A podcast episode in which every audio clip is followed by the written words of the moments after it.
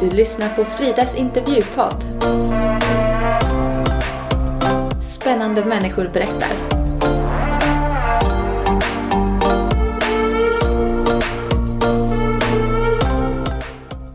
Hej och välkomna till Fridas podd. I detta avsnitt så ska vi få samtala med Lennart Axklo som eh, är 66 år, har varit pensionär i ett år och jobbat inom kriminalvården i 20 år och 10 år som chef.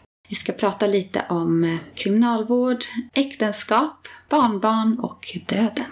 Väldigt överraskande så säger den där lilla grabben Farfar, när ska du dö? Och, och då blir man lite, lite ställd sådär. Hej Lennart! Hej Frida! Vad roligt att du vill vara med i min podd. Ja, jag blev lite överraskad när du frågade. Jättegärna. Ja. När jag har eh, pratat med dig tidigare så har jag tänkt på en sak. Att du har en sån otroligt fin radioröst. Oj, Och eh, lite lik eh, Bamses berättarröst tycker jag. wow. ja, kanske. Är det någon som har sagt det till dig tidigare? Nej, Bamses berättarröst har jag aldrig blivit liknad vid tidigare. Du är den första, men jag känner mig hedrad. Ja, vad roligt. Jag tänkte höra så här i starten av det här avsnittet om du skulle vilja vara med på ett litet test, att vi gör ett litet Bamse-inslag. Ja, men absolut. Ja. Absolut, ja. Här har ni honom, Lennart Axklo, som Bamses berättarröst.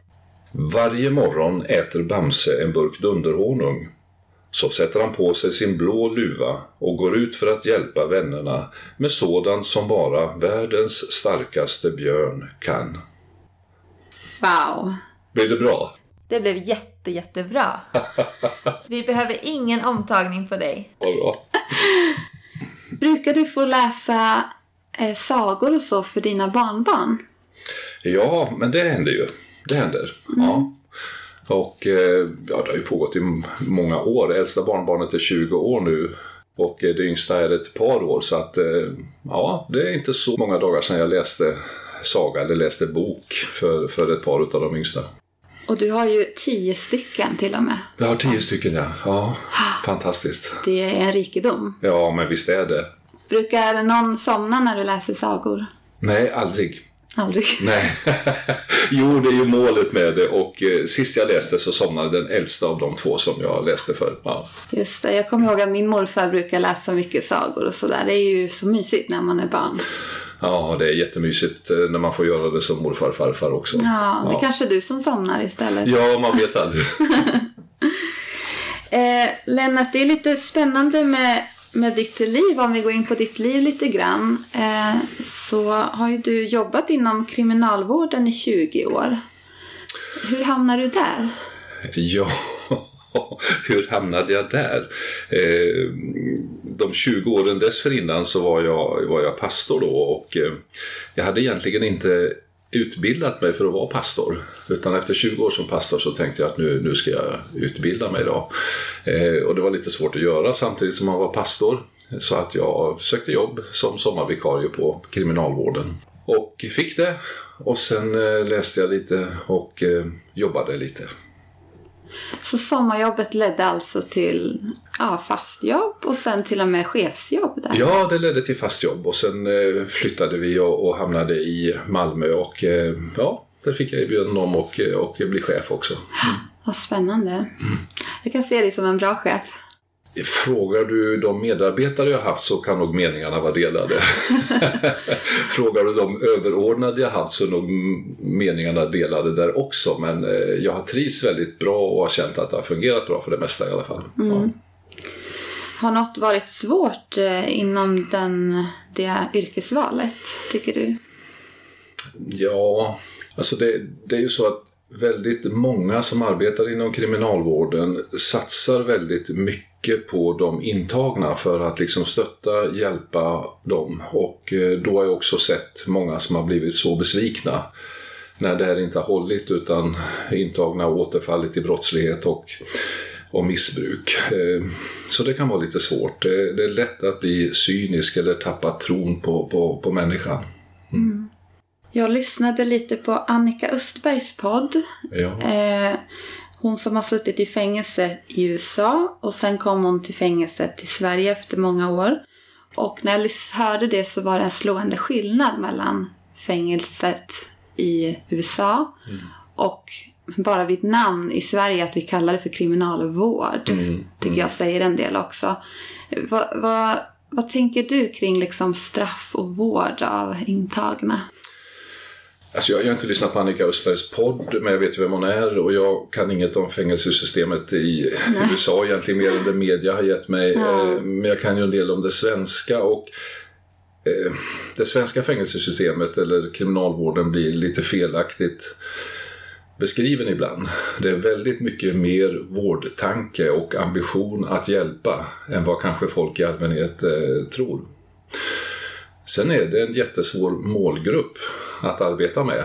Ehm, och det har hänt att jag har sagt till intagna när de inte vill ta emot råd och följa det man, det man föreslår att snälla du, dina egna tankar de har fört dig dit du är idag börja och lyssna på någon annan så kanske det går bättre framöver.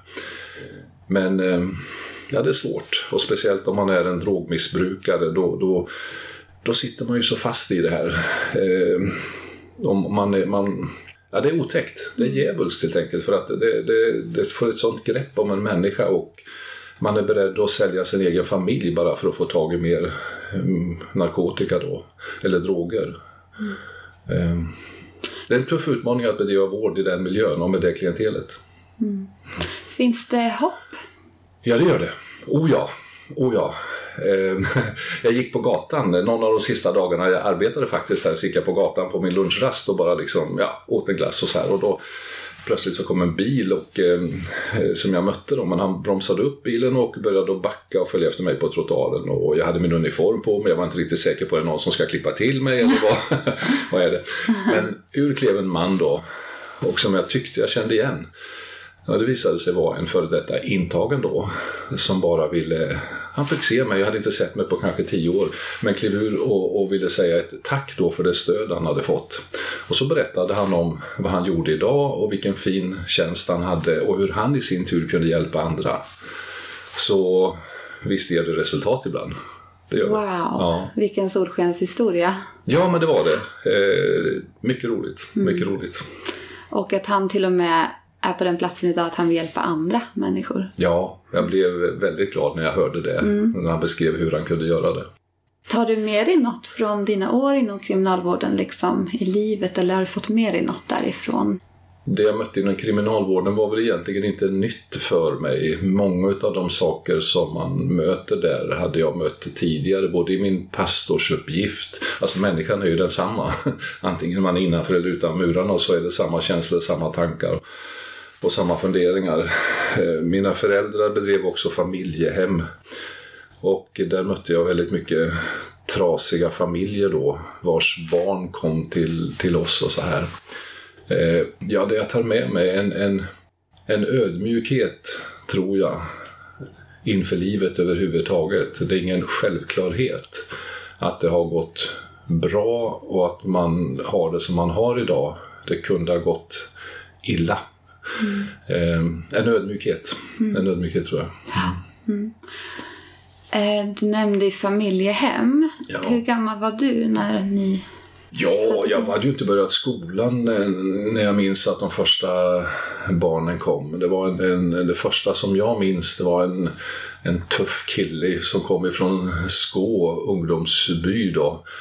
Eh, han var ju inte så jättemycket äldre än mig, ja några år var han ju men eh, rökte pipa och var väldigt eh, tuff och så här. eh, men sen hade ju ramlat på då så att det, det handlar ju om åtskilliga tiotal som har passerat genom vårt hem där. Hur var det för dig som barn att växa upp eh, med? Jag är bara tacksam för det. Mm. Jag är bara tacksam. Det fanns ju släktingar som kom och tyckte synd om mig och mina syskon för att vi skulle ha det på det här sättet. Men nej, bara berikande. Mm. Det har gett mig så mycket och har hjälpt mig att hantera livet. Och eh, i livet så har du ju inte varit själv. Nej. Du har ju haft din fru vid din sida i 45 år. Ja, det stämmer ja, va? Ja, ja. Jag själv kommer från en skilsmässobakgrund när mina mm. föräldrar skilde sig ganska tidigt. Mm. Och jag är tyvärr inte den enda Nej. idag. Nej.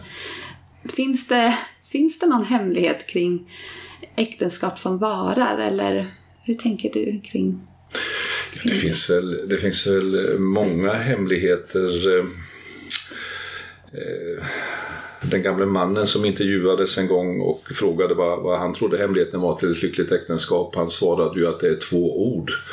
Eh, ja, älskling. men, men ska man vara lite mer seriös så, så tror jag att eh, det här att man verkligen bestämmer sig för att nu är det vi två som ska leva tillsammans, att man stänger bakdörren. Och det, det, tycker jag idag så är det alldeles för lättvindigt att öppna bakdörren och smita ut. Istället för att ta tag i de problem man har och eh, hantera dem själva eller tillsammans med någon som kan hjälpa till. Eh, hur tycker du att eh, man kan vara en bra man för din del då eller bra partner i ett långvarigt äktenskap? Oj, det där är ju jättesvårt. det är ju jättesvårt. Alltså det, det handlar det handlar om så många saker men en av de viktigare är väl det här med kommunikation. Och där, där är jag medveten om att jag, jag brister just när det gäller att kommunicera. Det är min fru mycket bättre på. Att kommunicera och prata om vad som händer och sker och känslor och så här. Och jag är mer tyst och håller det inom mig. Men jag tror ju att ju mer jag lyckas att kommunicera ju mer bidrar jag till ett lyckligt och hållbart äktenskap. Bara för att plocka ut en sak bland mm. flera. Ja. Mm. Kommunikation är ju något som jag upplever att man får jobba på hela livet. Ja men så är det inom alla områden. Mm. Både på jobbet och i familjen och var man finns någonstans. Ja. Man tänker en sak och vill förmedla en sak men den man pratar till hör någonting helt annat. Just det. Ja, det, det, det är knepigt med kommunikation. Ja. Mm. Har du något, eh, något minne du vill dela med dig av från, från era år? Ja, vi har ju haft väldigt mycket roligt tillsammans och vi har tre barn tillsammans. Jag arbetade som pastor, min fru var hemma och tog hand om barnen. Vi hade inte sådär jättegott om pengar men min fru är fenomenal på att få det att gå ihop ekonomiskt i alla fall då, och eh, hon lyckades ordna så att vi kunde åka på utlandsresa på semester vilket var nästintill otänkbart. Eh, och det är väl lite av en sån där höjdare att kunna åka iväg själva då mm. eh, på, en, på en vecka eller två veckors semester då. Och vi hade förmånen att kunna lämna bort barnen också då. Så att, ja. Vilken lyx! Ja, jättelyx! mm. Och när du pratar om det med pengar och sådär, det, det verkar som att du lever för så mycket mer än bara ja, med pengar eller det här materiella. Ja, jag hörde någon säga för lite sen att en del är så fattiga att det enda de har är pengar. Eh, jag tror det är otäckt när vi hamnar, handlar i, hamnar i den, den fällan, liksom, att vi tror att eh, pengar är lika, lika med lycka. Eh, Pengar är jättebra att ha och det underlättar mycket. Men det är absolut inte det som är grunden för att leva lyckligt. Mm. Mm.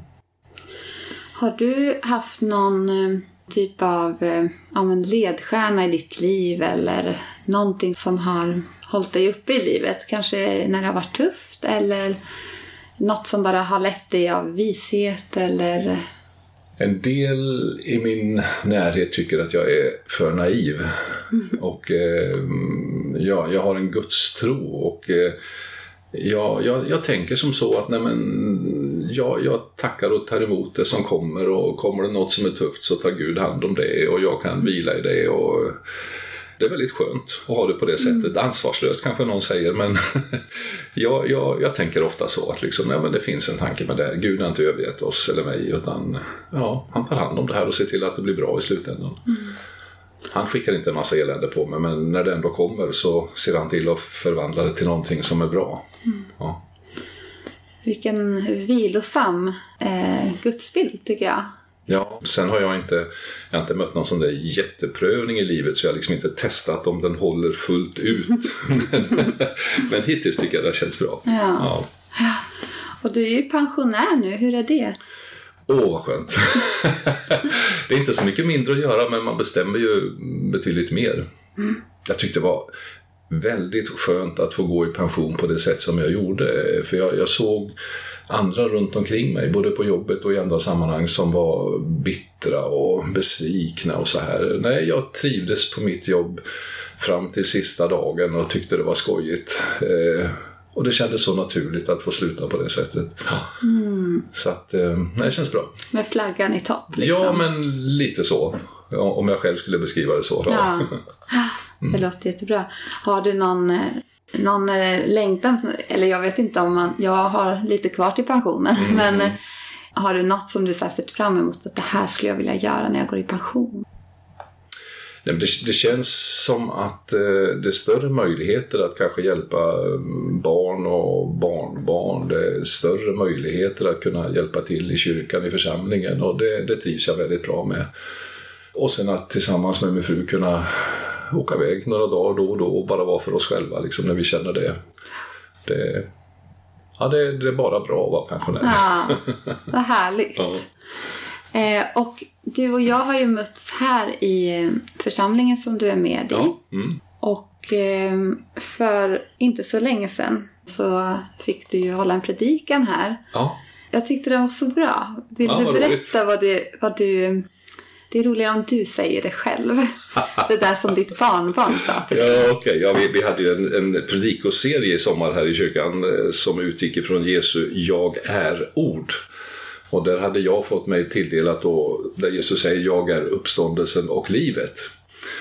Eh, och när, när jag fick veta att jag skulle predika över det så kom genast en tanke upp i mitt huvud och det var en, en eh, fråga som mitt barnbarn ställde i, för snart ett halvår sedan. Väldigt överraskande så säger den där lilla grabben Farfar, när ska du dö?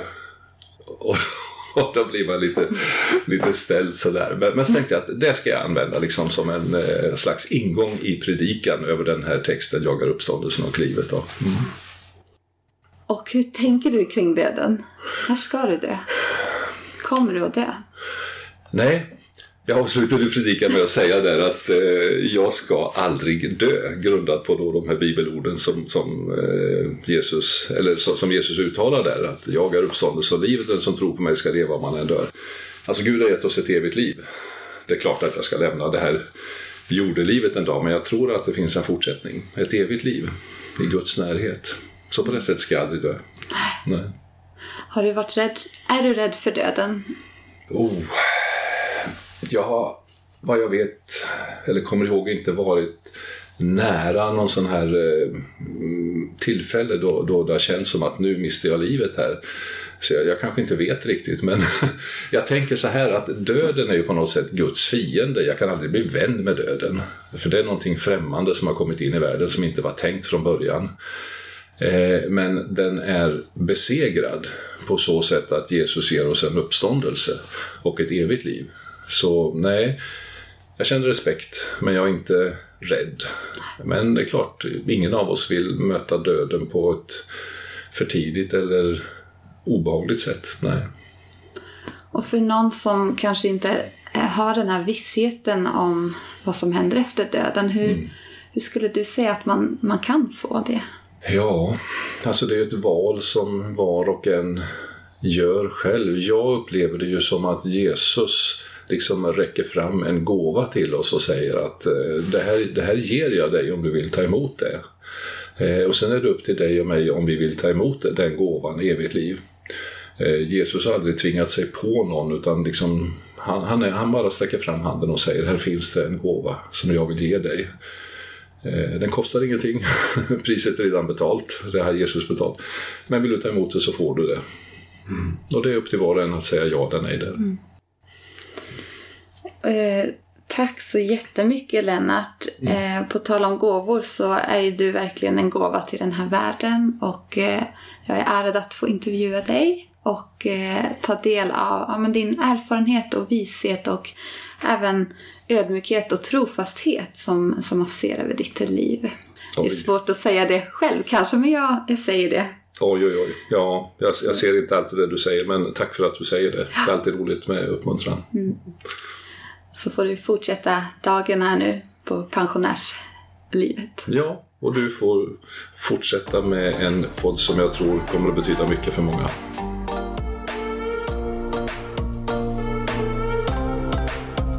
Kära lyssnare, jag vill så här i december passa på att eh, önska er alla en god jul och tacka för den här terminen som gått. Tack för alla er som lyssnat och tipsat.